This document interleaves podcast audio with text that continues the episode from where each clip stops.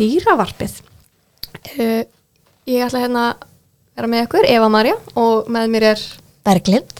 og við ætlum að fara í gegnum svolítið erfiða sögu í dag og ætlum að gefa ykkur smá fyrirvara um triggervorning að ef þú átt erfitt með að hlusta á sögu um sjálfsvík eða andlega erfiðleika að fara að gera eitthvað annað heldur en að heyra þetta en við erum sem sagt að hérna, erum að fara fá hann Braga til okkar í stúdióið sem að ætlar að fara yfir upplifun hans á erfiðum, erfiðari andlegri heilsu og hvernig hundrun hans Kofu kom honum til bjargar og verður svolítið mer, það er svolítið merkilega að segja Já, og við viljum líka áður en lengri en haldið minna á Facebooki okkar og Instagram. Við erum með grúpu á Facebook, dýravarpið og samanapn á Instagram.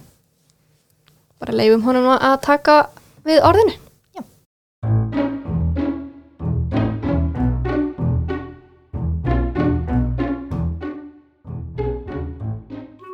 Já, eigum við kannski að byrja á bræði að þú bara segir okkur frá hvernig þú fjagst kófu. Ég sem sagt fekk kófu á dýraspítalum viðdal.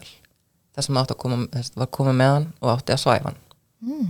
Og hérna, það veldi bara svo til að ég var þarna með vinkonu minni, hún var með sinna eigin kolp. Og ég hérna, sínt honum bara mikið áhuga að því ég heyriði bara út undan mér vera að tala um að þú veist, ætti bara að svæfa hann og eitthvað og þú veist, gengi ekkert með hann og þannig að ég hérna, fór bara að spyrjast fyrir, þú veist, má ég taka hann? Að því ég opna að vera svikin um tvo kolpa þar á undan og það var ekkert máli, ég fekk að taka hann og hann bara sérst góðaður og bólusettur og svo bara fór hann, kom hann heim með mér þetta var bara svona, og Meant to be. hvað, Já. hvað er langt síðan? Ég fekk hann annan apríl 2014 ok, ég var ekki að vera þarna. Já.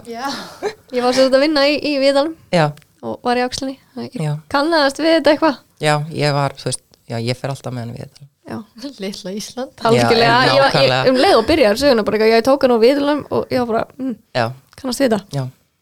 Þannig Ok. að svo leys fekk ég hann. og hvaða tegund er hann?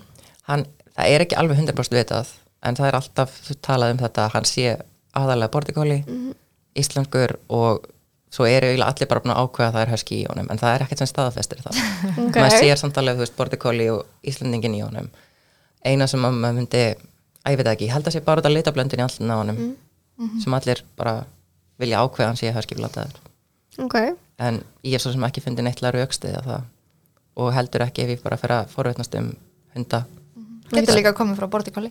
Já, það er ekkert sem passar, já, mjög mikil er það ekki einmitt í haskínum? Jó, bortikóli. sko. það er rétt, það er rétt. Af því einmitt hundurinn hefur aldrei spangólað ekki fyrir en ég fekk litla kolpin sem að gerir ekkert annan spangóla sko. Er, Ertu með tvo? Já, ég er nýlega búin að fá annan. Nú, ok, og hvaða tegundur? hann? Er bortikóli íslenskur. Mm, með nóg á Portugaljón Já, og hvað heitir hann? hann heitir Echo. Og er, hvað er nýbúin, hvað er hann gamall? hann er nýjónu sex mánuða ok, en hann var að, hann var að læra af Kofu Já, hann bara, ég þarf eiginlega ekki að kenna hann neitt sko. Nei. Og hvað hva var til þess og hvað er að fara annan? Mér lang, var búið langaði lengi en bara heimilist aðstæðuna leiði það ekki. Svo náttúrulega flytti ég í Búðardal og nú er ég með einbýlishús og stóran garð þannig að ég bara sló til. Ok, af því að Guðfinna vinkona hún hérna postaði á Facebook um að hérna það væri vinkonina væri með kvolpa og ég bara á hvað að prófa. Katt nú verið að Guðfinna væri eitthvað að koma undir minna fólk. ok, og hvað svona nú náttúrulega hefur þú svolítið sögu á bakvið með hann, með hann Tofu Kófu Kofu, Kofu og hérna hvað getur þú sagt okkur í svona gróndráttum, hvað, hvað liggur alveg bakvið þetta? Sko, ég var fyrir miklu áfalli þegar ég bara ný orðin 18 ára og hérna ég reyndi að fyrirfæra mér. Og það síðast að ég man þetta kvöld, það var á ammálastæðans pappa að ég man bara, ég var að taka fullt af töflum og var bara alveg að detta út og ég man bara að hann trilltist gelti og bara brjálaðist á útidra hörðinni og svo mér bara sagt eftir á þess að nágrannarnir hefðu, að þetta var seint um kvöld sko, nágrannarnir hefðu heyrt og komið yfir til að gá hvað var í gangi og mér var komið til bjargar. Já, hann, hann er hundur sem er vanalega ekki að gælta Nei, það vanalega heyrist ekki pípi í honum nema bara þegar einhver kemur í heimsók þá er náttúrulega bara spenningur. Já, en hann almennt geltir ekki, sko, hann spjallar en hann geltir ekki svona. Það var mjög, kveikt á því að þetta var eitthvað óvenjulegt já, í gangi. já, já. ok, þá var hann bara 7-8 mánuða ok, þannig að þér, þú ert ekki búin að eiga hann lengi? Nei, og hann bara bondar við strax það mikið að hann veit að það er eitthvað að fara að núskeis. já. Ég náttúrulega tók hann sko og hann hefði greinilega ekkert verið á, í góðum aðstæðum áður en ég fekk hann. Nei. þannig að hann var úrslag hendur á mér strax. Alltaf bara og ég tók hann með allt. Veist, hann var bara alltaf í bílnum og fór allt með mér og vorum, ég var ekki að vinna á þessum tíma þannig að við vorum bara saman 24-7 Og hvað, hvað kom svo fyrir? Það ekki náttúrulega nágranni koma yfir og hvað kalla til, það var bara hringt á sjúkrabíl og svo við rauninni veit ég ekkert meira en bara ég ranka við mér på spítala já, og hvað er það mörgundum setna eða? nei, nei, það var bara morgunin eftir eða hátegispil daginn eftir Og veistu eitthvað hvernig Kofu var búin að vera eða? nei, ég veit ekkert, ég veit ekki eins og hver var með hann á meðan sko. Nei. Hvernig, En hvernig var hann þegar þú komst heim? hann var mjög ánægur að sjá mig. Alveg virkilega. Og það var fyrsta kvöldi sko, sem hann fekk í alvörunni að sofa upp í og svo hefur það bara ekkert hægt. Hann er bara alltaf og yfirleitt undirstæðing Og, og þú myndir alveg segja það að, að, að hann hafi verið þér andlega stuðningur í, í bataferlinu. algjörlega, algjörlega. Ég er með marga, marga sjálfsvíktilunir eftir þetta, bara út af andlegum óstöðuleika og sem betur fer komin á betri stað núna en hann hefur alveg haldið bara utan um mig, búið til alla mína rútínu og bara, já og reyndi þess að ég er enda að hugsa um sjálf á mig bara svo ég geti hugsað um hann. Hvað er það svona sem hann gerir sem að hjálpar þér að hann veit sína rútínu, hann veit hvernig hann á að fá að borða hann veit hvernig hann vill fara út að lappa hann kemur með tauminn sinn ef hann ætlar út að lappa og hann kemur með matadallin sinn ef hann ætlar að fá að borða hann bara í rauninni kann betur á klukku en ég. Hann bara veit, einmitt að segja, er ekki meira að hann er að ala þig upp? jú, það er nefnilega svolítið svolítið hann bara veit. Þetta er um eitt sem að svolítið margir töluðum í konuninu sem að við fyrir yfir betur eftir er að hérna er að fólki finnst svo gott að fá eitthvað sem að hjálpar þeim að hafa þessa rútínu. Já, að komast út úr húsi og hafa svona eitthvað meiri tilgang já, og eitthvað að gera og nákvæmlega. Vera ábyrgu fyrir einhver öðrum sjálfum sér? Maður er kannski ekki tilbúin að gera neitt fyrir sjálfum sér maður er tilbúin að gera eitthvað fyrir einhvern annan. Akkurat og hann er með dróð mig að hitta annað fólk því ég var hans á félagsfælin ég hitt aldrei neitt en svo fór ég með að hitta gönguhóp, fórum saman að labba og ég fór á hundasvæði og fór að spjalla við fólk og komið svona aftur út úr skilinni sem ég var komin í. En nú verði ég að spyrja smá svona brútal spurningu. Já, Þú talar um að þú gerði þetta aftur eftir úr nokkru sinum. já, Þannig að þú myndir ekki telja nóg og mikið þess virði að vera til staðar fyrir hann. jú í rauninni en þegar maður er komin bara á þennan stað í lífinu þú veist, maður er ekki svona, þú veist, mamma mín er besta vinkona mín og það bara stundum dugar ekki til Nei. því maður upplifir bara svona að ég veit ekki, þetta er svona bara svo einhvern veginn stingandi vanlíði og sorg og bara óhamingja að þú bara einhvern veginn sér enga annan aðra leið Já, bara, þú verður bara að fá einhver að stoppa þetta einhvern veginn ok. En hann, hann, hef, hann hefur alltaf verið mitt bara til staðar mitt. já, já, já, hann er bara partur af, partur af lausninni Já, og eftir þetta, þær tilunir sem ég hef gert, þá voru þær annarkvort ekki inn á heimilinu eða þá að hann var bara lokaðar af og meðan því ég gæti ekki hort á hann, sko. Já, ok, þannig að þú veist, Ég, Nú- ég þú veist, fór frá honum til Já. þess að, þannig, þetta var alveg pæling að, hva, hvernig, ef ég má spyrja, hvernig fóru þessar aðferðir fram? sko, þetta hefur yfirleitt verið eitthvað töflu átt eða einhvers konar lif, eitthvað svona jökk. Og, og hvernig hefur hann verið að bræðast við, þú veist, núna bræðast hann við náttúrulega með að gelta í fyrsta Já, og er það þá þín leið til að koma í veg fyrir að hann bjargir upp á nýtt að loka hann af? já, það er annarkvort að loka hann af eða bara skilja hann eftir heima og fara út, Já, gera þetta. bara svo hann geti ekki komið aftur Já, eða hortið upp á eigandan sinn, já, nákvæmlega. skada sig. Já, Ok, það er bara mjög sorgleg og áhugaverð já, pæling. einmitt. En þetta er einmitt svona, kannski hlutir sem að er ekkert talað um. Nei, bara og almennt, bara sjálfsköðun og svona mikla sjálfsvíkshugsanir og nú nefndur áðan áður við byrjum að taka upp, það er ekki það langt síðan að síðasta tilhörn fór fram. Nei, það var mitt síðasta sumar held ég, já. og hvað færi þá svona, eins og núna nústu komið tvo, já, þú veist ertu vissum að þú sért komin á þann stað í dag um að þú sért, já, ég er búin að ljúka endurhæfingu og mér er bara aldrei liðið betur. Ok ég það er er mjög alveg gott að heyra. bara í toppstandi núna. Því nú ertu ekki bara með eitt til að koma gæltandi berga, nú ertu með tvo Já, nú sem að tvo. böggast í Já. og, og, og fá matinn ég- sinn og göngutúr. Ég einmitt tók sko það ákverðin að mér fannst ég mata fyrst, mér fannst ég vera komin í nógu gott stand til Já. þess einmitt að bara geta bætt við og bara haldið áfram í, með lífið. Ég ætlaði ekki þetta að dvelja í þessum kapla í lífinu sem er búin að vera mjög erfiður. Heldur bara, þú veist, ég flutti komin á nýjan stað í miklu nær fóreldur mínum og bara, já ég er bara í hjálpmaði núna Og ertu úr Búðardal upprunalega? já, Þannig að þú fluttir bara aftur heim. já, Hvað ertu gamall? ég er 925 ára Ok. Þannig að það búið að gangi í gegnum mikið.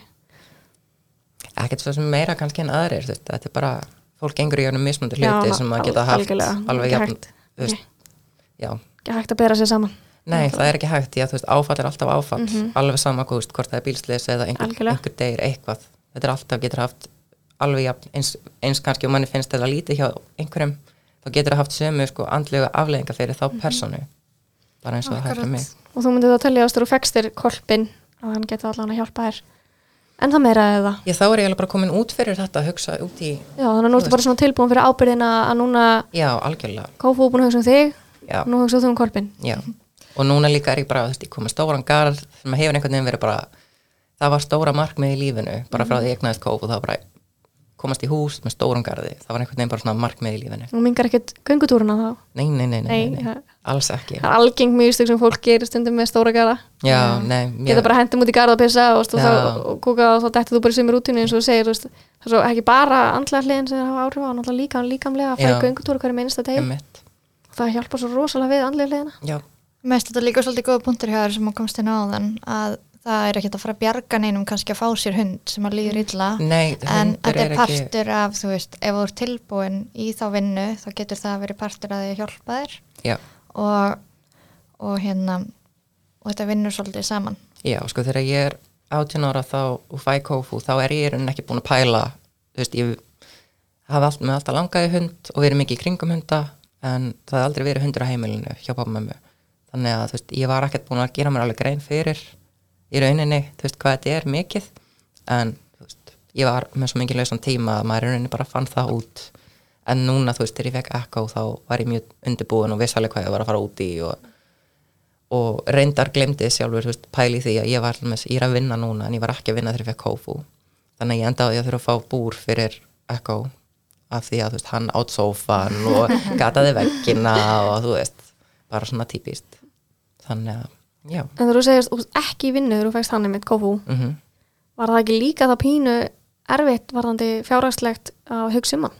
Jú, það var mjög erfitt Þannig að þegar þú færðir hann þarna þegar þú ert 18 ára gammal þá ertu ekki alveg með pælingarnar á baki hversu mikil ábyrð það fylgir líka hundum. Nei, alls ekki og hefði, þú veist, horfa tilbaka núna þá hefði maður gert þetta alltaf öðruvísi en ég samt sem áður er bara ókslega þakkláttur fyrir að hafa verið nóg heimskur til að taka kófu af mér. Mér líka svolítið magnað að það er oft sem að hérna, þegar fólk er að velja eigendur fyrir kolpa og svo les, þá er hort fram hjá fólki á þessum aldri Já, og sagt kannski að við séu ekki tilbúin til að fá sér hund eða þurfa vera aldrei að koma inn í eigi húsnæði eða eitthvað svo les. já, Ég var eitthvað tvítug í kringum það þegar ég fekk Hector fyrsta hundi minn. já Ég bjó enda hjá fóröldurum mínum Mhm. og var svona áleiðin að fara að flytja út og ég hugsa stundum tilbaka, ég er ekkert vissum að ég hefði stelt með kvolp á þessum aldrei en ég meina að sjáu hvert þetta kom mér, ég vinn við þetta í dag Já, og þetta er bara ótrúlega holdt fyrir ungt fólk að eiga gæludýr og að bara fara í gegnum þennan svona mikilvæga aldur þar sem að maður er ábyrgur fyrir einhverju og þú veist, ég hef aldrei þekkt líf þar sem ég þarf ekki að drífa mig heim út af því að þú veist, hundurinn er búin að vera of lengi heima eða þú veist, ég get ekki bara látið mig hverfa einhverju helgaferð eða eitthvað, ég er alltaf ábyrg fyrir einhverju og ég þekki ekkert annað. Og núna er ég komin yfir 30 og komin með barn og mér fannst það ekkert vera það mikil breyting. Nei, Þú veist þetta því að ég er vön svona þessari ábyrðu bindingunni. já, Þannig að ég held að þetta sé bara ótrúlega gott fyrir alla og, og hjálpa fólki bara að þroskast og já það þroskaði mig bara á öllum hliðum lífsins. Þú veist, maður fór að pæli hvert eru peningarnir að fara þú veist, og Nákvæmlega. maður var að hugsa þú veist, ok, maður er bara með þetta mikið pening, deilu sér niður, passa og reyna að leggja til hliðar, ef hundurinn verður veikur veist, ef að ég verð veikur Og ekki voru nú tryggingar þarna á þessum tíma sem Nei. er orðna svo mikið í dag. Nei. jú, Og reyndar. Voru Já, tryggingar? ég treyði hektar það var vesan að tryggja blendinga á þessum tíma Já, ok. það var mjög mikið vesan Já, já, og var, ég ætla að segja var aldrei ekkert geta svo opið. nei, ég gæti ekki tryggt kófu þegar ég reyndi það fyrst þegar hann var kringum eins árs og Ok, ég hef ekki geta fengið neina tryggingu á hann hinga til Já, mitt og því að það er ekki hægt að nýtryggja hunda eftir að þeir eru held ég sex ára, já, eitthvað svo les. mitt maður hefði getað hjálpað mjög mikið kannski á þessum tíma.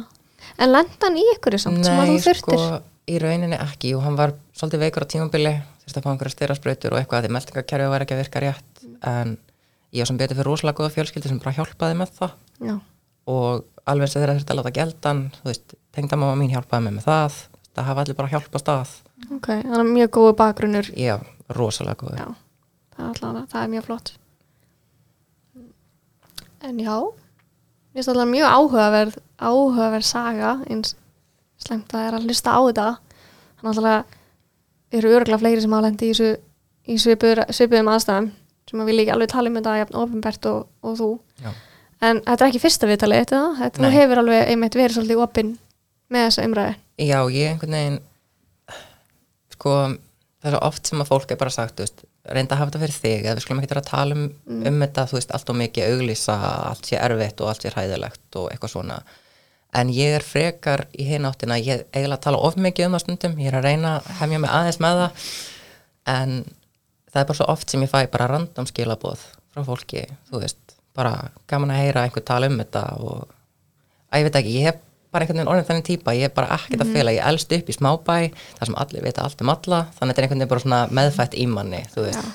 Ef maður braut glas heima hjá einhverjum þá bara vissi allir bærin, þú veist af því, Þannig að það hefur það ekki hjálpað samt líka svolítið. Geta allan að tala um, veist, nú má aldrei að bæla svona niður. Að, nei. Ég einhvern veginn byrjaði byrja ekki að líða betur fyrir einhvern, actually, ég hef alltaf talað um þetta eða reynda og mér fór ekki að líða alveg betur eða finnast ég vera tilbúin að halda áfram fyrir einhvern talað um þetta bara eins og hvert hann umræðefni hvena byrjar ég endurhæfingu? Sko, ég fór fyrst í endurhæfingu þarna þegar ég er 18 ára um haustið, og það bara hendaði ekki þá. Þá var ég bara, veist, ég reyndi að fara í endurhæfingu með að fara í skóla en ég var svo félagsfælun að ég mætti aldrei og það var einhvern veginn bara svona fór í klassu. Þannig að ég fór bara að reyna að vinna, mætti illa í vinnuna en var heppin einmitt að það var fjölskyldufyrirtæki. Þannig að ég fekk svona utanumhald og fannst ég afreka eitthvað að mæti í vinnuna Mm svo fekk ég vinnu upp í Norðurál og var þar lengi en með mik miklum veikindarleifum, inn á milli en fekk rosalega stuðning líka þar frá öllum, þú veist, ég var rosalega mikið frá vinnu Hvernig, Eh. hvernig lýsir það sér? Ertu þá bara, þú veist, þið langar bara ekki að standa upp? bara stundum það bara getur maður það ekki Nei. mann er langar að fara í vinnuna, maður langar að standa sig og maður er alveg ákveðin, bara jú ég ætla að fara en svo einhvern veginn lappar út um hurðina og þá bara fer bara einhvern veginn um þig allan og maður bara úff, ég veit ekki hvort ég geti þetta mm -hmm. ég var oft komin upp í vinnu veist, úr hafnafyrunum allar leið upp á grundtanga og þú veist, bara hringdi svo í vestur og bara, ég kemst ekki inn Og fegst alveg skilning frá vinnuveitundum? ég fekk rosalega skilning Ok. það vissu flest allir allan að yfirmenn mínir baksöguna og hvað var í gangi Af því og- þú varst opinn með söguna einu. Já, mjög svo. Og ég fekk rosalega mikið skilning en náttúrulega á ákveðinu tímapunkti þá bara þurftu náttúrulega einhvern starfsmann sem var þetta að treysta betur á. Algjörlega. en það var samt það besta sem gætt komið fyrir því að þá var ég sko alveg við það að ég ætlaði að hætta. Og mér stila bara betra að mér var sagt upp.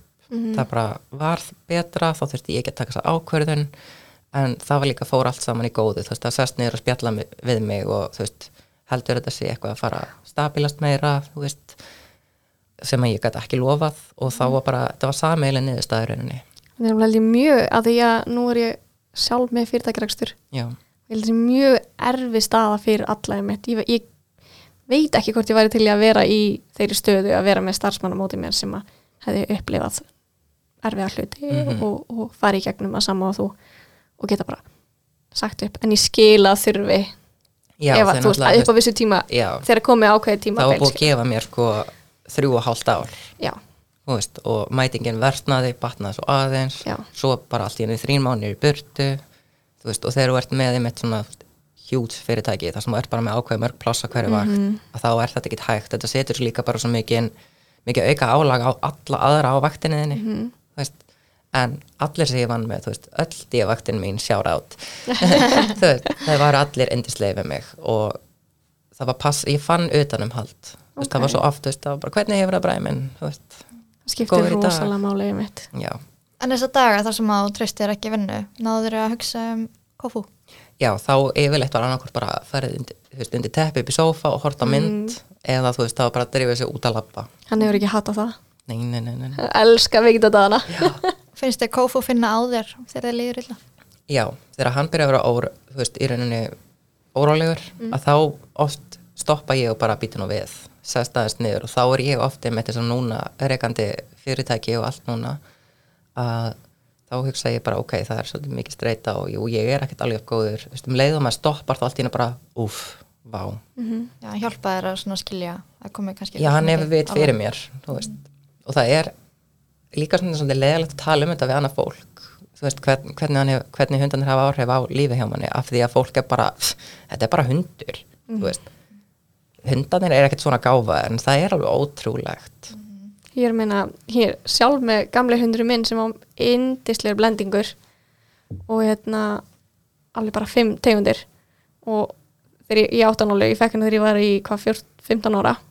Og hérna, hann var hjá mér alveg í 11 ár og varum bara bestu vinnir og ég mitt sama með sem bara glita að segja aðan það er ekki mjög mikið að þurfa ég að drífa mig úr skólanum til að fara út með hundin þegar hann var, hann var frekar stærri í kantinum þannig að hann þurfti alltaf að fara tvisar út á dag passa hann borðaðina og svona. Og við erum svo ótrúlega náinn það var ótrúlega gamla að sjá viðbröðin hans þegar maður til dæmis ef maður grét þá hans helsta einkenni var að koma þjætt upp andlitið á mér og leggja trína á sér við nefi á mér og ef það lágu tár þá passa hann sig alltaf að sleikja þau. Mm. og lagðist alltaf í fangi á mér. Já. og ef ég var í svona grúu eða þú veist þess að maður gerir stundum þegar maður er í fórstyrstellingu og líður illa þá alveg bara gróa hann sig inn í og, og vildi vera með. Hann vildi, hann vildi vera í kúrinu sko. Mikil söknuður til þess. Þannig að það er alveg magnað að sjá hvað þeir eru tilfinningar næmir. Já, í rauninni finnst mér hundar sko, þeir eru miklu, miklu næmara tilfinningar heldur en við, við hvort annað. Veist, við erum ekkert að pikka upp einhver smá díteil í hegðun hjá fólki um, og þú veist, kveikja á perinu, ok, það er eitthvað að. Veist, við erum bara eitthvað, hvernig hefur það? Fínt. hann ennir ekki að fá þetta, þú veist, ég myndi svo bara, hvernig hefur það og byrja bara, eitthvað, jæja, í dag var bara hræðileg dag, Já. maður er bara svona, já En ég er samt þessi típa, þú veist, ef einhver spyr mig hvernig ég hef það, þá bara Já. kemur allt út. það er bara svo sjálfgæft Ég bara læt allt flakka og ég líka, en ég samt sem að líka geri grein fyrir því að þú veist, það megi allir aðrir að láta allt flakka Já. til mín, skilur bara vera opinn með þetta. það er bara magnað, ég held að það sé of bara of sjaldan sem að fólk leifi sér að spjalla við hvort annað. Já, þannig að það er rosalega gott að koma heim það sem að, að Kofu situr á móti og býður spenntur að hlusta á allar þessar sögur og, og hvernig ég líður og, og fara svo í gott kúri yfir Netflix. Já, eins og sýsti mín var nú bara í heimsókn hjá mér bara fyrir nokkrum dögum. Og það kom ansi oft fyrir, bara, ertu að tala við mig, ertu að tala við hundin, þú veist, ég bara ég tala því litt við þá. Ég held ég lent nokkur sinni í því með, með, hérna, að því með tvær skvísur með makar minn, en ég er alltaf eitthvað að tala við þær. Og hann er alltaf bara, hvað er, og svo best að hann oft við að gera það sama. Einmitt, hann, hann er einhver skára en ég. Nákvæmlega. Það Ég er það er búið að skamma mig alveg fyrir að segja fyrst hæfi hundana og verður að sagt hæfi hundana og náli bara hæfi Alltaf. ég held ég var alltaf inn og segi góðan daginn með þær og svo bara, já, Almar, já, þú ert þannig líka. alltaf. það það er ekki morgunum að þær tvær komi, komi upp í kúr og, og hafa það kósi Já, það er bara, það verður að vera en nú segir að hann fá allan að sofa upp í hér hann, lítur að vera ánægð með það Já, alltaf. en hvernig verður hann með, með korpin? hvað segir, hann heiti Echo? Ekko. Echo, ég er að muna nöfnin hérna ég er ekki komið nöfn fyrirfram það hann, veist, við ákveðum að skýra hann Ekko að því að hann er rosalega líkur Kofu. Mm. Þú veist, hann er ljósari en einhvern veginn litaskiptingin í andlinu og allt er rosalega líkt Kofu. Þannig að mér fannst það passa rosalega vel. Þannig að hann bara góð fút tvö eða hans, Já, það er mjög sætt. Það var svona hugmyndin á baku þetta. hvernig er hann að taka honum? Sko, Kofu hefur verið hræðilegur með öðrum hundum. Núna eftir að hann, það réðist á hann tveir hundar þegar ég bjóði hafnaferði fyrir, hvað, tvei mánu síðan. Og lausir hundar og hérna, hann lendi illa í því þá. Og eftir það þá fer hann bara sjálfur beint, þú veist, í hann bara grimmur þegar hann segir aðra hunda og ég það, halda hann við skefjum. Hann var ekki sáttur fyrstu tvo sólarhingana og ég þurfti að fylgjast mjög mikið með.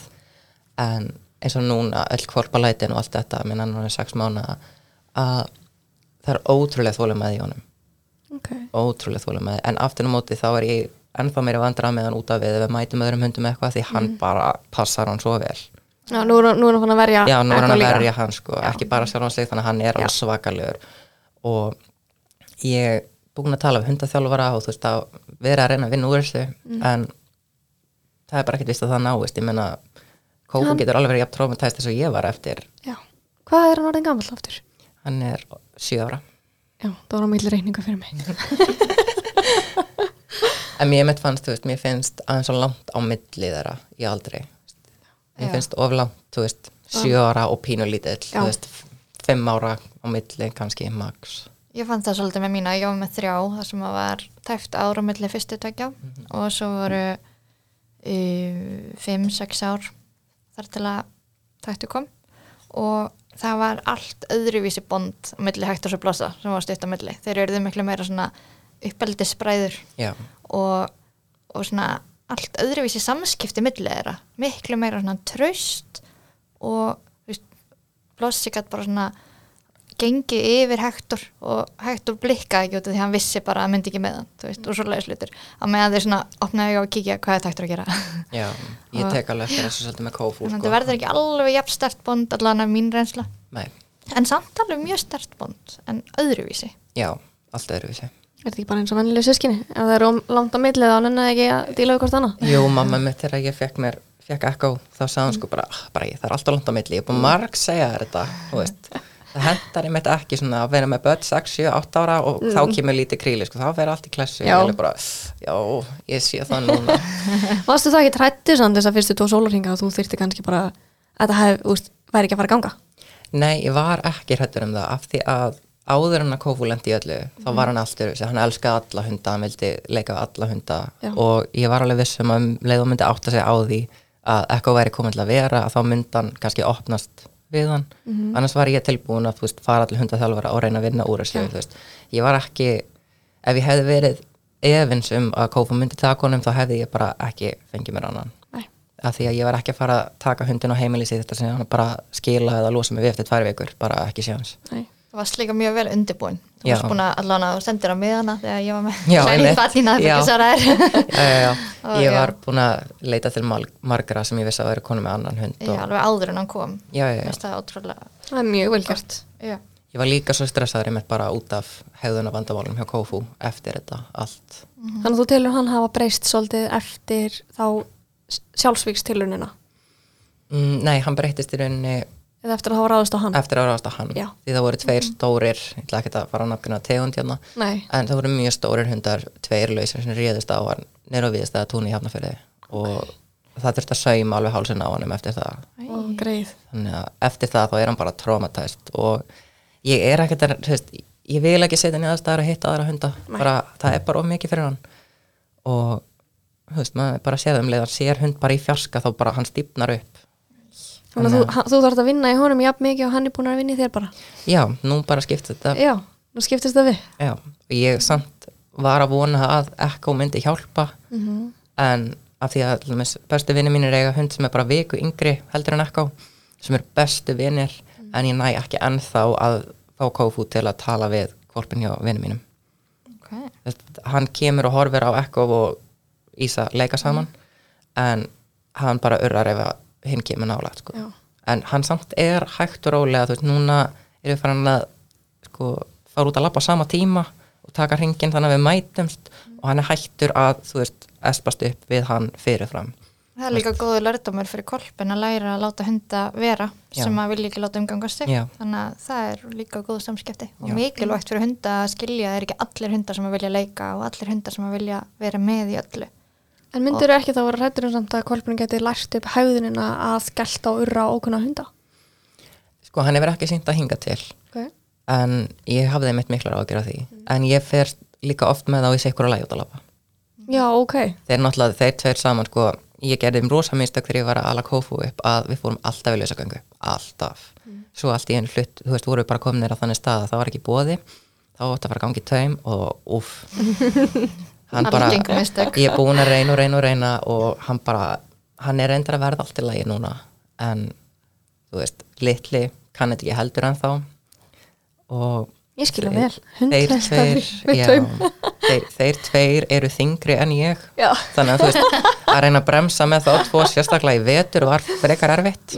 En þannig að ég reyna að fara frekar með þá nema ég færi seint á kvöldin þegar það er eiginlega engin úti. Og þeir eru ekkert mikið fyrir að vera bara út í garði að leika sér. Jú þeir eru bara þar Já. þú veist gólfið mitt er bara að verða ónýtt af bara, já ég laðist að, ég þurfti að leggast að fjóra fætur og skrúpa allt með bara svona handskrúp til að ná upp bara drullu bletti sem voru fastir úr í parkettinu, sko. En frábært að heyra að þeir séu þá allan að leika sér. Já, já, þeir eru bara límdir svo. Já. Hljómar þess að drauma hundalíf bara Já, og vera út í garði og svo upp í rúmi Já. sko. En það, sko, ég reyndar smá vandanum núna, það má ekki aðskilja þá. Já, Ég þarf að ná því að það sé hægt, þú veist, bara upp á framtíðin að gera því að einhverjum tímapunkti fyrir kófu já, og ég ætla ekki að horfa upp á ekko og vera bara brotin eftir það, þeir þurfa líka að vera sundur. alveg sammálar. Ég er meitt með mikið búin að vera að gera það við, við hérna, mínar tvær. En ég væri meitt ekki á þeirri sko en ég ætlaði ekki að gera Nei. það en kærastu minn alveg bara, jú, þú verður að gera það og ég leik, ok. Ég meitt tek alltaf, veist, tek oft bara aðra þeirra í vinnuna Mhm. og ég hef hina heima hjá ef að að að kæristu minn í vaktavinni. Og það er meitt mjög þægilegt. Fyrst voru það alveg ómögulegar Já, og, og núna er það bara gæti ekki verið meira sama. Þannig að einmitt, ef það kemur upp slis eða veikindi þá myndu þær geta sofið inn í búri og, og verið bara einar. Já, ég er að reyna að finna balansin í þessu sko því að ef ég tek ekko einan út þá verður kófu rosalega undsjúkur. það er ekki auðvelt. Nei, og það er líka pínu erfitt, þú veist, maður býr einn, mm -hmm. kærastu minn er í námi út í Hollandi, þannig að já, þannig að þú þarf bara að sjá um það Já, en ég sem betur fyrir bara er með pappa með mjög tveim götum frá mér og er náttúrulega ekki mitt eigi fyrirtæki þannig að ég skýst bara heim þegar mér finnst vera að koma tíma á það. Já, og er búin að gera það. Þú og veist ekki bara að taka á með þér í vinnuna? Ekki þegar maður er með veitingastofu í ísbú það gengur ekki alveg sko. Hvað, smá ís með hundahári sem krydd? Hvað er það að melli vinna Ég meina, hvað er ekki næst í helmingurna fólki sem á gælitir og eru ekki allir vannir í að vera með svona dýrahára manni sín Já, og segjast bara að vera í sveitinni og svona er það gert í sveitinni.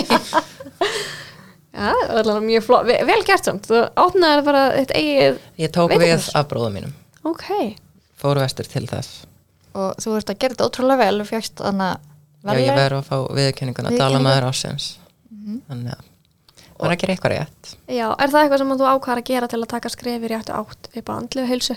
Já, ég þurfti, sko, ég var farin að fykta með dóp hérna í lok ást 2019 flutti og bara ég rætti það bara mjög opið við mömmu já, og pappa og þá var bara tekin þess ákvörðum bara að þú ert að koma vestur aftur. Og þá var bara græjað hús og læti og svo er ég bara farin vestur og ákvað svo þreim mánuðin setna þegar ég var svona aðeins að byrja að jafna mig að þá ætlaði ég bara, fór ég að demdi mér í þetta. Ó, vel gert. Það er mjög vel gert. Mm. tók samt alveg fyrstu fjóra mánuðina en þá með byllandi áfengisvandamál. Þannig að þetta var svona pínu harkalega á stað en núna er ég ekki búin að og ert með marga starfsmenn hjá þér og, og gengur vel það og, eru, við erum fjögur sem erum yfir, búin að vera núna yfir COVID-veturinn mm og það verða átta allavegna núna í semar og, og bara gott heimi já, rosalega. Og líka bara starfsfólki búið að hjálpa mér helling og já, og það vita allir söguna. Já og stelpunar upp í vinnu þú veist, ef ég eins og núna er í Reykjavík að, og mamma kannski kemst ekki að hlaupa hundunum út, þá fara þær og þær stundum, þú veist, þeir að brjála að gera hjá mér í pappirsvinnu og eitthvað, þá koma þær við og taka hundanum til að lappa, þannig að er það ekki bara skilir þið við að, hérna, að vera að vinna hér er það ekki svona að vilja fara líka bara út með hundana. Já. er ekki ávinningur að vinna hér myndi ég freka að segja? Já, nokkulega fá lánaða hunda. Já. Alveg, hefur þið gaman að Akkurat. Ég, held að það sé bara indislegt og ég er þetta sem bara rétt hjá heimilinu? Já, búðadelur er náttúrulega bara nokkra götur sko, það er, það er allt stutt. Já, ok, það er bara mjög vel. Og þér, hvað er langt síðan þú tókst við segir ég, við opnum aftur í apríl 30. apríl í fyrra. Þannig að það er alveg að vera koma ár. Bara góð ákvörðin þetta var bara besta sem ég gerði. Fyrir utan að fá kófu Já, fyrir utan það, fyrir utan það. Augljóslega. Ok, hérna bara takk eðslega Já. fyrir að koma til okkar og deila sællu með þér með okkur. Takk fyrir að hafa mig, bjóða mér. mögnu saga og vonandi bara myndi bara blómstra.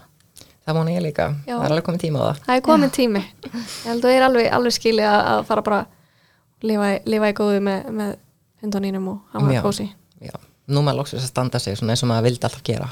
Maður vildi standa sig, ég vildi vera í þú veist, jafnvægi fyrir já, í rauninni bara fyrir alla en ég vildi einhvern veginn vera ekki að setja kófu í þessar aðstæður þú veist, mm -hmm. þetta vera bara allt í einu, þú veist, hann vissi alveg hvað var í gangi þegar hann var allt í einu lokaðurinn í Sötnarbyggju og ég fór út, þú veist, hann vissi þetta alveg. Þannig að ég er rosa fegin að vera bara búið með þannig kapla vonandi alveg. Og já flott samt líka bara að geta að hérna, síða frá því, því sjónarotni líka að hérna, þú viljir ekki yfirgefa hann. Nei, alls ekki. Jafn mikið hann myndur aldrei vilja yfirgefa þig. Nei. því að yfirleitt sjáður ekki sólina fyrir manni. Já, algjörlega. þú getur ímyndaðar eða þú myndir bara loka besta vinnin í næsta herbyggi og, og hvernig viðbröðin yrðu. Akkurat. En svo getur maður aldrei sett sig í spór einstaklinga sem hafa er að fara í gegnum þetta. Nei, og mér finnst það oft aldrei vanta í umræðuna bara um andlega heilsu er að stundum þá er fólk bara það illa á sig komin Já. andlega að það bara einfallega veit ekki hvað það, þú veist, ég átti svona blackout moment, veist, ég man ekki eftir hvað fór í gegnum hausun á mér. Nei. Þannig að það þarf líka að sína því smá skilning að stundum bara, stundum bara var fólk ekki ástandi bara til að vita upp nýja niður. Nei, og mér finnst bara magna hvað getur verið opinn með það og bara flott að þú getur hjálpa öðrum sem eru að plega sama Takk fyrir það.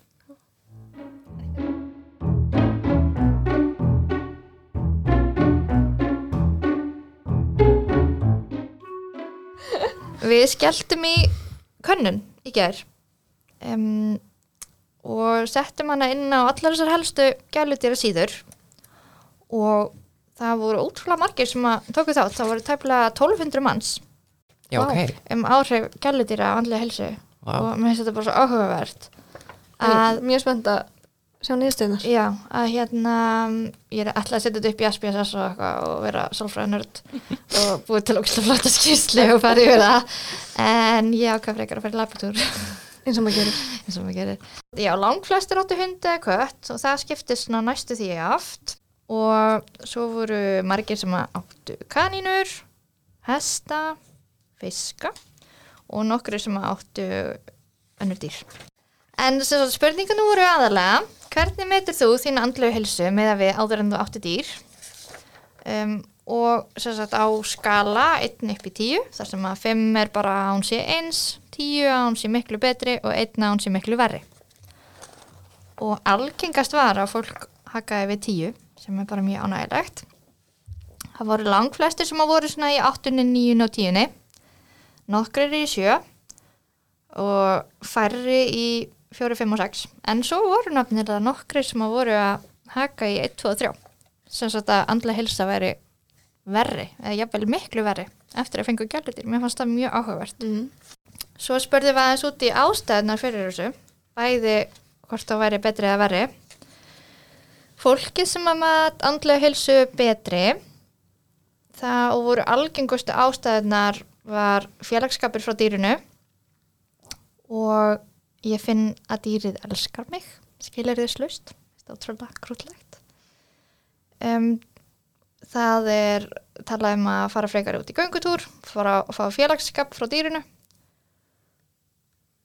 og aukin rútína í daglegu lífi algengar ástæður er þetta sem að fólk er að setja inn sjálft Nei, þetta var í rauninni ég sett inn svona Já, það sem ég fannst líklegast Já. og fólk var að haka við svo gætt fólk reynda líka bætt við en þetta var allt Mm. svona nokkur neginn svona þetta sem að flestir voru að haka í.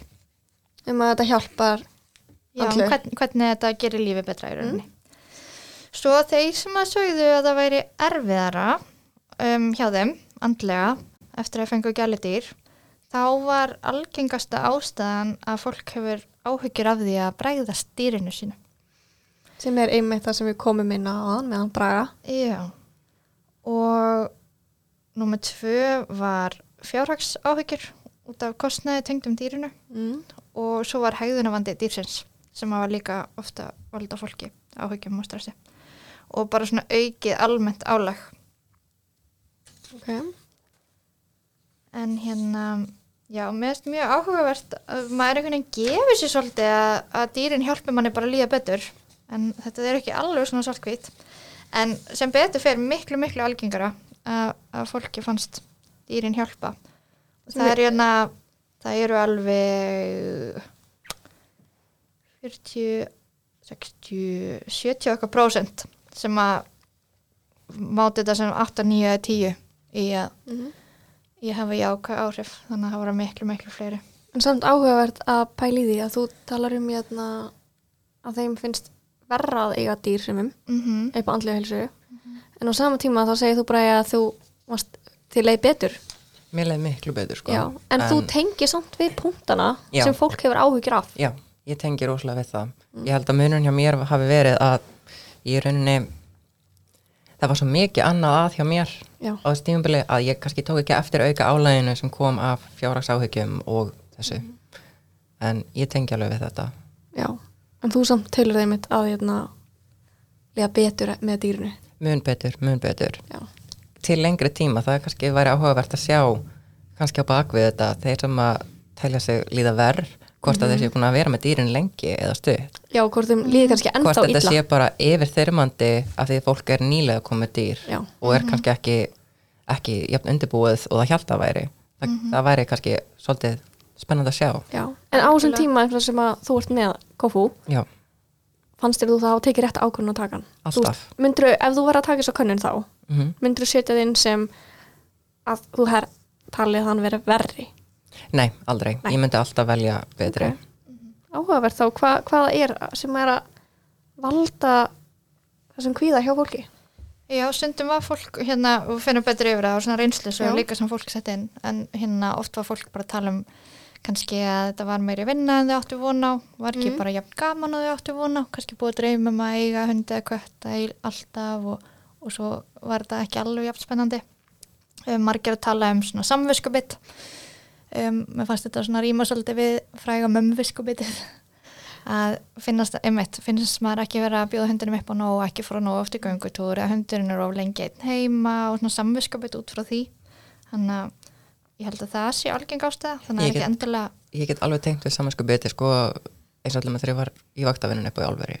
Þá hafði ég, þú veist, ég var 12 tími í burtu og var alltaf að einhvern að hjálpa mér að kíkja á hann, þú veist, og maður var með samansku beti að vera allan hann tími í burtu frá honum. Sérstaklega, þú veist, bara, þeir hafa bara x mörg ár með okkur og var, ég var að farast á tíðanbili út af samansku beti út af því. En samt sem áður fannst mér það ekki hafa neikvað áhrif á andlega heilsunum, ég fannst ég bara betur kunna að meta þegar ég var að vaktafríi eða bara þegar ég kom heim, þú veist, ég vaknaði klukkan 5 á mótnan að tala labba með hann áður en ég fór á vakt og ég var ekki komin heim fyrir en, þú veist, 8 þá fórum við aftur út að labba, skiljur þú veist, maður reyndi að passa þetta en ég tengi alveg við emitt, að það getur verið samanskupið, það getur ekki syndum eins og manni finnst þau að skiluð Já.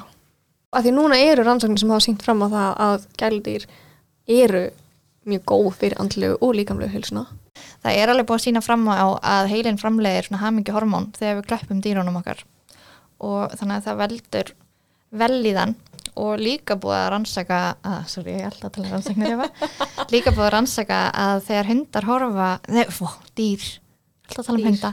Þegar dýr horfa á okkur þá hérna framlega þau líka hamingjuhormón í sínum heila og, og svona ástarhormón ótrúlega grútlega þannig að þau elska okkur eins tilbaka og jafnvel meira.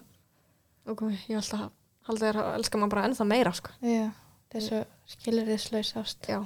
algjörlega, að- og það er einmitt sem að margir tölu um að finnast hérna svo gott að finna þessa skilur þið slausu ást frá hundunum sínum til sín og kannski trúaði ekki að einhver annar elski fólk svo, en geta trúaði að dýrið elski það já, Er það ekki einmitt líka svolítið svolítið? Þú Jú. færð svolítið svona til líriðla, þú færð þessa væntu þykju frá dýrunum sem þú ert búin að vera að leita í fólk. já. Já. og það er líka, það er auðveldara þegar man, maður er alveg á botninum það er auðveldara einhvern veginn að taka við væntumþykjunni frá dýrónum heldur en frá öðrum manneskjum Já.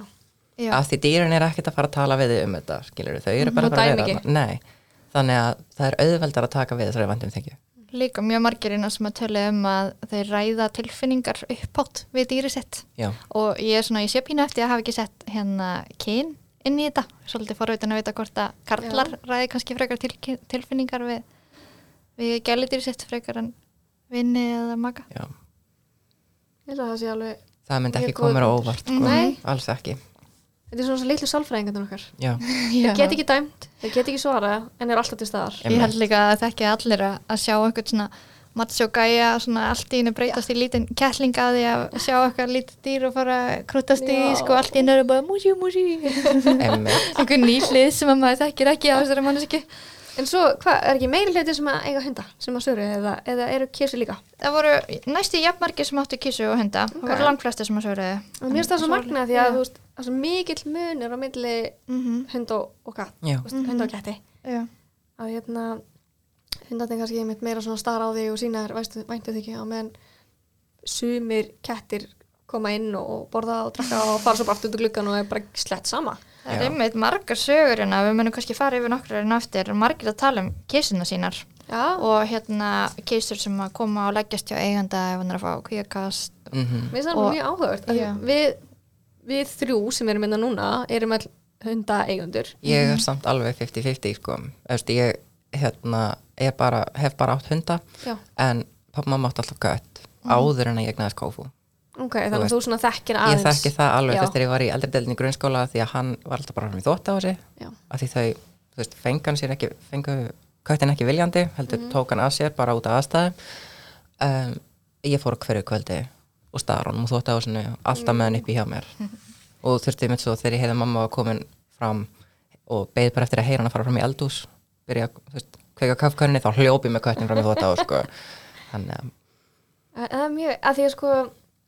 En Það að að svo er líka erfitt held ég að díla við að það er náttúrulega missir á dýrunum. Já, þegar andlega heilsan er kannski ekki alveg í góðu lagi. Það, ég held að það sé kannski svolítið spila inn í fólki. Hvernig, hvernig, það, hvernig tækla það? Eins og þarna, þú veist, ef þú hefði verið á þínu versta og kófu hefði lendi í ykkur já, það hefði krassað það hefði óttið mig sko. algjörlega, algjörlega. Það er pæli hvort það sé kannski hræðsla sem að fólk er einmitt líka að tala um að hérna, sem að þetta segja að neikvægt Já, það var einmitt hérna margir sem að höguði í að, að vera hrættur um að missa að eitthvað komi fyrir dýrið, hræðsla við það. núna náttúrulega hérna, er hann ekki sáttur við mig hann hérna, maginn minn, Almar. En hann hefur sem sagt hérna átt þrjá, þrjá gæti. Og hann hefur tekið hinnum tveim döðsvöldurum alveg ótrúlega illa. Bara hann tengist þeim svo rosalega. Og, og ég er ekki alveg beint þar í, í kísumálunum sko. Ég viðkynna það. En yndislega dýr þrátt fyrir það. En hérna og ég er bara síðan allt inn bara var leiðan út af engu. Þá fyrir hann bara að hugsa um það hvað ef hann skildi eitthvað tíman missa þriðja köttin því hinn tvö skiptin voru svo ótrúlega erfið. Já, Já. og þú veist, það er alveg magnað að sjá manneskina að vera bara, bara að setja upp þessa aðstæður búið það til haustum á sér og líða bara illa á þessum eina degi af því bara að það gæti gæst eitthvað. Nákvæmlega. Og ég gerði þetta oft en ég bara veist, hugsaði með mér, ok, ekki eigða tímanum með hann er hérna í þetta fókus á hann er hérna og þú veist, njóttu þess að vera með honum. Núna er hann orðin 7 ára og sýsti mín er nýbúin að missa báða hundarna sína með bara stuttu millibili. Önnur 9 ára og hinn held ég 11 ára. Og nú kófu 7 ára. Já, 7 og háls og þú veist, það kemur alveg upp í mann maður bara úff, bara Mhm. vá. En þá má maður ekki stoppa í því, maður verður bara ok, herði, þá bara, maður verður að snúa því við og bara nýta tíman, Já, þú veist, það er einmitt það sama- tíma sem maður hefur. sama ég segi við hann einmitt frekar þú veist að taka þær í fangið og, og, veist, og vera með þeim í deginum í dag og, og upplifa hann. En það, það er bara, hann á mjög erfitt með það. Já, hann á bara stundum mjög er erfitt með að líka rífa sig úr þessu og það er líka bara mjög eðlilegt. Já, það, það er, er bara ekkert- alveg rétt. Það er bara 100% eðlilegt að geta ekki rífið sig upp. Nei, því þetta hefur verið mikið rætt í fjölskyldinu minni undarfarið því að það var mörg dýr farið nýlega. Að þú veist þetta er bara ennit fjölskyldumæðlum að fara. Já, þú veist, já fyrir sum, ég meina sumir þekkja af svona ömmu voðalega lítið og það er bara er, miklu, miklu erfiðar og átakanlegar að missa dýrið sitt heldur en af og ömmu sem þú kannski hefur hitt einu svona ári í nokkur ár. Já. Já, fólk gerir líka oft svolítið lítið orði hérna þegar maður missi dýri sett Mhm. ef það kannski hafi ekki átt dýr sjálf og skilji ekki alveg þessa Já. tengingu sem að myndast. Skilji ekki að þetta getur verið alveg ótrúlega erfitt. En núna ertu með einhverja reynslusögur hérna sem að tóku þátt í könnunni hjá okkur í gerð Já, við hérna að, baðum bara svona sögur sem að fólk vildi deila sem að mætti koma eina fram bara nafnlaust. Og það eru bara ótrúlega margar svona litlar krútlega sögur. Við getum ekki lesið þær allar þetta er alveg mörg hundruð hérna sem að söguðu en mér finnst bara ef við lesum svona nokkur upp til dæmis Eh, Öll dýr eru yndisleg, hjálpa mikið við þunglindi, kvíða og félagslega einangrun og fyrir þau sem eiga enga vini. Þetta er mjög góð punktur. Hérna, kissan mín er ekki mikið kúrudýr en þegar mér líður illa eða er veik þá liggur hún hjá mér allan daginn. það er mjög sætt Mhm. ég var alltaf að halda einmitt að kísu væri meira svona Nei, ekki að, eru ekki að þú veist, það er alltaf að tala um í djókið með COVID sko, kísunar er bara oh, fólk er endaljóst heima í COVID Já. Á hundarnir alveg bara að geða spenntir Kettir eiga erfitt með breytingar. já, já, það er Kissir Það er- eiga oft svolítið erfitt þegar allt í einn allir eru heima allan daginn og fá Já. ekki frið. Já, menn hundandi dýrka það. mér finnst það mjög áhugavert að heyra hvernig kissunar eru líka Mm Hérna, um, ég vissi ekki hversu mikið hundur geti gert fyrir mig og fjölskylduna. Hann gerir alla daga betri og hjálpaði til dæmis úrlingnum og heimilinu mjög mikið þegar enginn mátti hittast. Þá var hann alltaf til staðar. Blóðþrýstingur lekkaði hjá fjölskyldumæðlimum eftir að fengum okkur gælitir. Mér finnst auðveldar að sína hundunum ást en fólki og það hjálpa mér. ég skil það vel, Já. þann punkt mm. og ég get meira sér að skilja þetta með bara blóðþyrstingin ég meina bara það að koma heim og klappa hundin einum eftir erfaðan dag, þú bara streyta hann, það er bara einhvern veginn, svo Já. flæði bara úr skroknum að alveg samanlegar ég mitt bara elska að koma heim eftir langan dag og kúra upp í sofa og vera með hundana mína og bara að ná niður hérslættinum já, og bara stressinu við daginn. Þetta er svona eiginlega nánast núla mann út bara. Já. Það er svona svipu gott að fara bara í heitt gott bað. Já, og vera með þeim. Eða gera eins og ég fara í bað með hundinum ef ég gleyma, ef ég gleyma að læsa inn á bað þá opnar hann hann og kemur á flegi ferð onni sko. ég skil það vel Hérna er eitt svona hérna, sem að er ekki um að líða betur. Mér finnst ég bregða stýrinu og hefur mikið samviskubit dagstaglega þó ég veit að ég hugsi vel um það. Ég á erfitt með að hrista þá hugsun af mér. Við erum stór fjölskylda og mikið líf og fjör saman en erfitt er að gefa hverjum og einum allt það sem er óska og við það skapast samviskubit. Nei, þetta held ég að sé bara mjög, mjög eðlilegt Já. en mér finnst það, mér finnst þetta þarna veist, þarna er þetta vandamál hjá manni sjálfum held ég, þú veist, maður það bara setjast niður og þú veist, hugsa bara ég er að gera mitt besta og ég meina ef allir eru ánæðir skilur við Hérna er einanur. Ég er fötluð og vil því oft lenda í þunglindi, sérstaklega á veturna því þá voru allt miklu erfæra fyrir mig. Það léttir manni lundina að fá mjúka og malandi kísu í fangið þegar manni líður illa. Samt svo sættir að mala Mm. Hundri minn lætur mig vita áður en ég fæ flók, nú, Magna. það var nú áhugavert að hvernig það er Já, það er, hundar eru stundum hérna, þjónustu hundar. Vinna í rauninni bara við að, að fylgjast með hundar sínum og geta látið vita fyrirfram. Og þeir, man ekki hvernig, hvað það er við það, en þeir vita áður en manneskjan oft að sé að koma flók og þá getur fólk til dæmis komið sér fyrir og örgum stað til að fá það flók. Mér þeim líka mjög spes sko, eins og ég talaði um áðan kófu tóa rosalega í þeim, þú veist, af því að af því að ég bara klúðraði uppeldinu með það, það var alltaf mennulegsa göngu fyrstu árin, en svo þegar mamma mín sem er mjög slæm í skróknum þegar hún heldur í hann, hann tóar ekki neitt ekkert, Vá, hann bara lappar. Að því að gamli hundur minn skynjaði hann um þetta, ekki. Nei, og Sem svo ef mamma rétti með taumin aftur, þá bara er hann farin með mig. Já, það er bara ótrúlegt Hérna er annað eins og varst að tala um áðan með hann. Um, þegar ég lendi í að fá ofsakaujakast þá er hundurinn alltaf mættur til að hugga. Hann er til staðar og er nálagt og leifir mér að halda í sig til að róa mig og gráta í feldin. Ómetanlegu stuðningur sem hann gefur alveg óumbeðið og óþjálfað. já, Já, ég tengi mjög mikið þar þetta er svona eins og það oft tala um þetta weighted blanket, svona þungteppi Já. þú veist, Kófói mitt, hann hefur bara skriðið í fangja og bara liggur á mér og hlustar ekkert á mig þá ég segja hann að fara eða whatever, þú veist.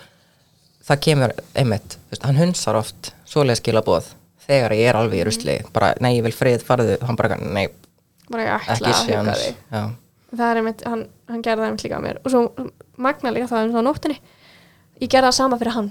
Þú veist, þegar hann vaknaði martræður þá vaknaði ég bara með móðræðlið í mér.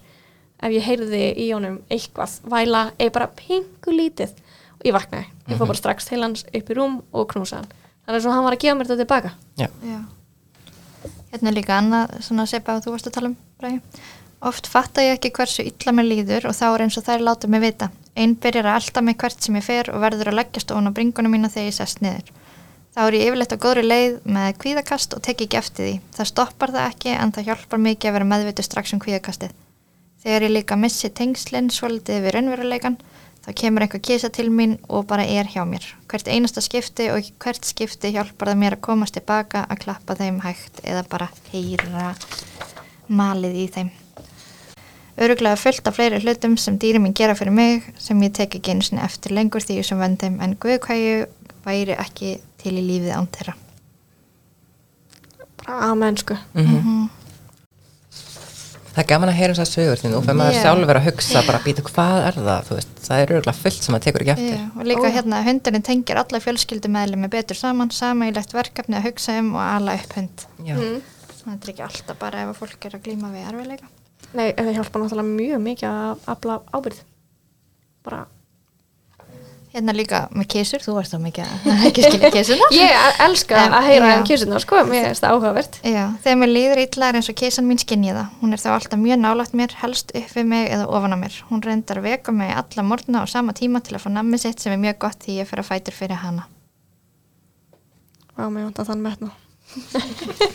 Þú ert að fá batnið drættilega. Það er líka áhugaverð pæling, það er kannski svona andlega heilsa líka við hérna fóreldra manns.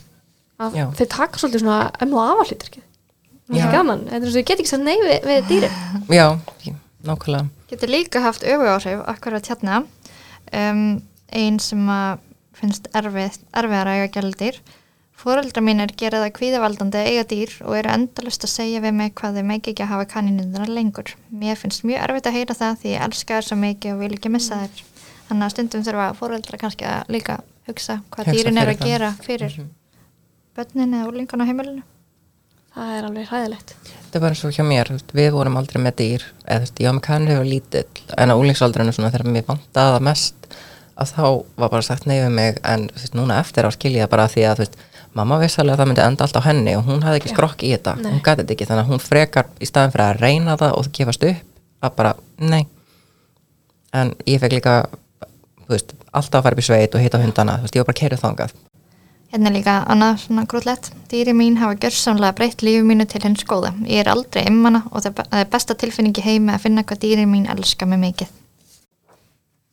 Það tengir við það. Já, mjög. Þú komið með eitthvað fleiri sögur fyrir okkur? Það er ekkert eins og að halda utanum dýri þitt sem elskar þig meir en allt og malar þegar hún sér þig. Hún er mér allt. Þegar ég græt og mér líður illa og er í kvíðakasti kemur kissi til mín. Malar og skrýður upp í fangið á mér og gefur mér nebbaknús. Ég sjá að það er svolítið svona sammeðlegur svona þáttur í flestum þessum kissisögum. Já. Að koma og mala og Já. svona eru góðar. Já. og Grútlegt. En kötturinn bjargaði dóttur minni frá sjálfsvíkshugsunum. Áhugavert, hvernig það hefur þá farið. Hvern, hvern, hvað, hvað er það sem að veldi því einmitt? Hvað, bara nóg fyrir að vera? Bara, nóg fyrir að vera að mala? það er örgulega, já. eins og núna, þú veist, ég, ég fæ stundum alveg svona sjálfsvíkshugsanir en ég ger ekkert í þeim en einmitt, getur hverju mætti bara strax Já. og bara, herri, ok, við ætlum út að labba þú veist, stundið, horfðu á mig, leiktu við mig eitthvað og þá bara, á, er þetta farið já, þú veist, að því núna er ég komin á aðeins skára í stað, skilur ég er bara fýtt núna en maður náttúrulega læknast ekki bara á þreja mánuðum af þessu, Nei, nei. en einmitt, dreifa hugunum strax Mm. Já, hér er líka annað, að sjá. Ég misti manni minn fyrir tæpum tveimur árum og börnin okkar föður sinn. Dóttir mín þá tíu ára lokaðist inn í andleiri skil í heilt ár þar sem erfitt var að ná til hennar og hjálpunni. Við eigum kísu sem hún tengdi sterkum böndum eftir föðumessinn og held ég að ég geti fullirt að hafi bjarga lífi dóttir minnar. Ári síðar egnaðist hún þrjá degustráka sem heyra á hverju kvöldi þegar hún býði þeim góða nótt. Ég elska ykkur strákar. Þú einmitt sendið mér þessa sögu í gær og mér fannst þú mjög sætt. Já, Að því núna er þetta ekki hefðbindið hundaði kættir, heldur er þetta Mhm. degu sem Já. að einmitt veitinni þessa ánæg. það eru alveg nokkrar hérna, degu, kaninu og bara nagdýra sögur, Mm. mjög grótlegt. Ég væri ekki á lífi í dag ef ég hefði ekki haft hundi minn til að hugsa um og koma mér í gegnum erfiða tíma í mínu lífi. Það er mjög gaman að heyra allar þessar sögur. Hérna, ég fekk köttu minn þegar ég var á mjög slæmum andlegum stað. Einmitt í þeirri von um að líða betur. Ástin og félagskapurinn í blandu sálfræði meðferð hjálpaði mér upp úr djúpu þunglindi og ofsakvíða. Ég er nú á batavegi og hef ekki fundið fyrir enginnum kvíða eða þunglindis í tvö ár. Fekk köttin fyrir tveimur og halvu ári. Þetta er fyrsta gæludýrið á fullanusárum. Tenging mínu kanínuna mína er svo sterk að hún er eins og litla barni mitt og ég finn mikið tröst á milli okkar. Ég hef verið að glíma við þunglindi næstum allt mitt líf og finnst samband mitt við kanínuna gefa mig gleði og ákveðna ró þegar mér líður illa. Það er eins og hún skynji þegar ég er slæm á þunglindinu og er mikið í kringum mig þegar mér langar helst að gera ekki neitt. Ég er náttúrulega sjálflega átti hérna nagrís já. og hérna vá hvað ég tengdi við nagrísin. Ég á bara ótrúlega háðum. Mér finnst líka bara oft, nagdýr, bara önnur dýr heldur en kettur og hundar, Já. þetta er oft svolítið vannmetið því að ég átti kaninu þegar ég var lítill og við fórum einhvern tíma til Reykjavíkur og það var ekki lokað almennilega út þannig að hún komst út mamma fer bara þegar hún kom heim föttum hún er ekki inni, fer út í garð og bara kallar nokkur sinnum nafnið hans. Kom hann hlaupandi tilbaka bara alveg þrem görðum burtu, bara kom hlaupandi. Bara alveg og ég myndi gera við kófu núna. Þannig að það er svolítið vannmetið að þú veist, einmitt nættur geta alveg lært þetta líka sko. algjörlega. Ég verði að koma með eina í viðbútt hérna. Allt mitt líf hef ég átt við kvíða, þunglindi, deburð, áfallastreitu að stríða. Ég vissi ekki hvað tilfinningar voru eða fann ekkert þannig jú sorg en ekki gleði, hafa mikið tilhlökkun að fara út í fyrsta skipti til útlanda eða kaupa fyrsta bílin eða fyrstu íbúð. Þetta var bara allt eins og hvað annað, ekkert spennandi. Ég elskaði kísuna mína út af lífinu og hann var minn besti vinnur en svo 2008, 28 ára gömul, fekk ég mér hund eftir að hafa fengið tauga áfall. Eftir tauga áfallið fór ég í sálfræði meðferð og að læra á tilfinningar og það var þá einn daginn sem ég var að keira heim úr vinnunni eitt sólardag í mæ að ég fann eitthvað sem ég hef ekki fundið áður því nær sem ég kom því meiri tilfinningar þá áttaði ég mig á því að þetta var tillökun og spenna. Gat ekki beðið eftir að komast heim til golpana minna vegna þess að vegna þeirra hef ég lært að elska sér ekki á hlæja. Já. Já, ég get ba- sagt um þetta bara, vá, æðislegt.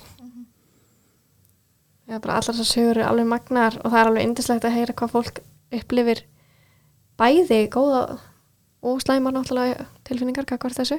Já, en sem er náttúrulega bara annað væri ekki eðlilegt, það er alltaf, þú veist, það getur ekkert verið 100% gott, Nei. eða þú veist, hendað eins fyrir alla. og það er þá líka bara spurningum með að opna aðeins umræðan um það. Einmitt að það er ekkit heldur sjálfsagt að dýrveiti er endilega mikla gleði.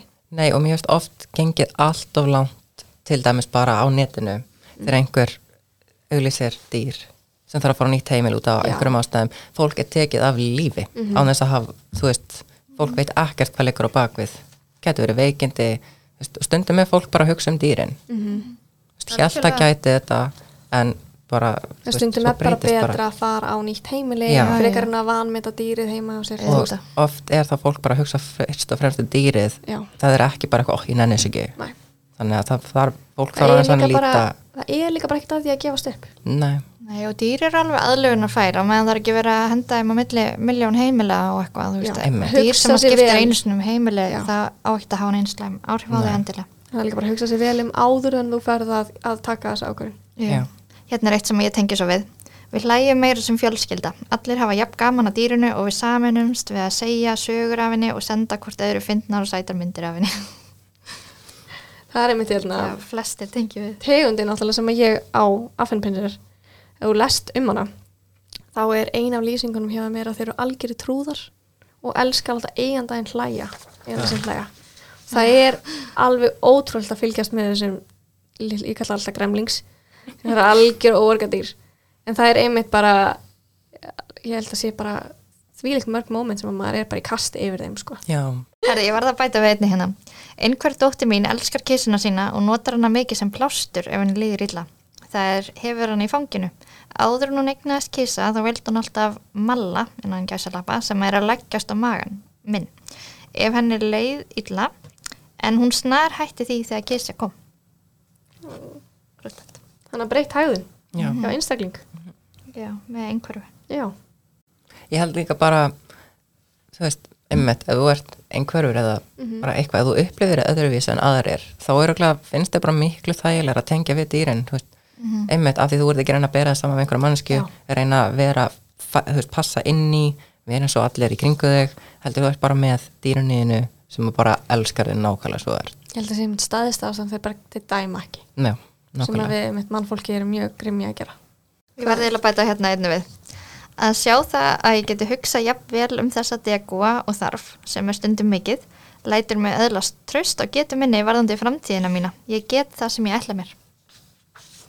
Það er mjög fallegt. Þetta er líka bara virkilega þróskuð og heilbrið hugsun. Já, mjög, alveg bara rósa það. Já, það er ekki allir sem geta að hugsa svona. Nei. Þetta er bara sterkur persónuleiki. Já, mjög svo. Já. viltu fara að kalla þetta gott eskan? eða? Já, þetta eru svo margar flottar sögur. Ég er bara, við getum er verið með bara bók. margar klukkutíma. já. Þannig Bara að takk allir fyrir að deila þessum sögum með okkur og, og það var svo mikið af flottum öðrum sögum sem maður var bara ekki tími til að fara yfir. Náttúrulega Já, ég er þessi 1200 manns eða eitthvað sem tók, tók þátt í er náttúrulega Já, alveg frábært. já. Bara takk kjærlega fyrir hérna, að, að taka þátt í þessu með okkur. Já, og við viljum kannski að lokum benda fólki á sem er að gleyma við andlega erfiðleika eða komið með sjálfsveikshugsanir Mhm. á píeta Já. og að leita sér hjálpar sama hver, tala við vinn, Já. fjölskyldu, dýri sitt, sálfræðing.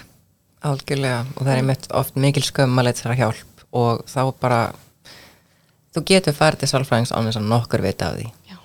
mun, bara muna það og það þarf líka bara að muna að þetta er ekki svona mikið tabú þú veist, það þarf en fólk það nú ekki að vera jafn opið og ég og bladar um þetta hérna bara eins og hvað annað eins og bara að hafa farið að vesli bónus en það, þú, það þyrst allir að finna sér einhvern einn til að tala við hvort sem það er dýrið þitt eða hvað það er Um að gera einmitt, að leita aðstór. Já. Því að ég óska engum að fara á svipaða stað og ég hef verið á. Þannig að bara, Það er ekki allir jafn hefnir að komast út úr því. nei, alls ekki. Og þú maður vill ekki vera einn af þeim sem að Nákvæmlega. Þannig að ég bara hvet alla að leta sér hjálpar.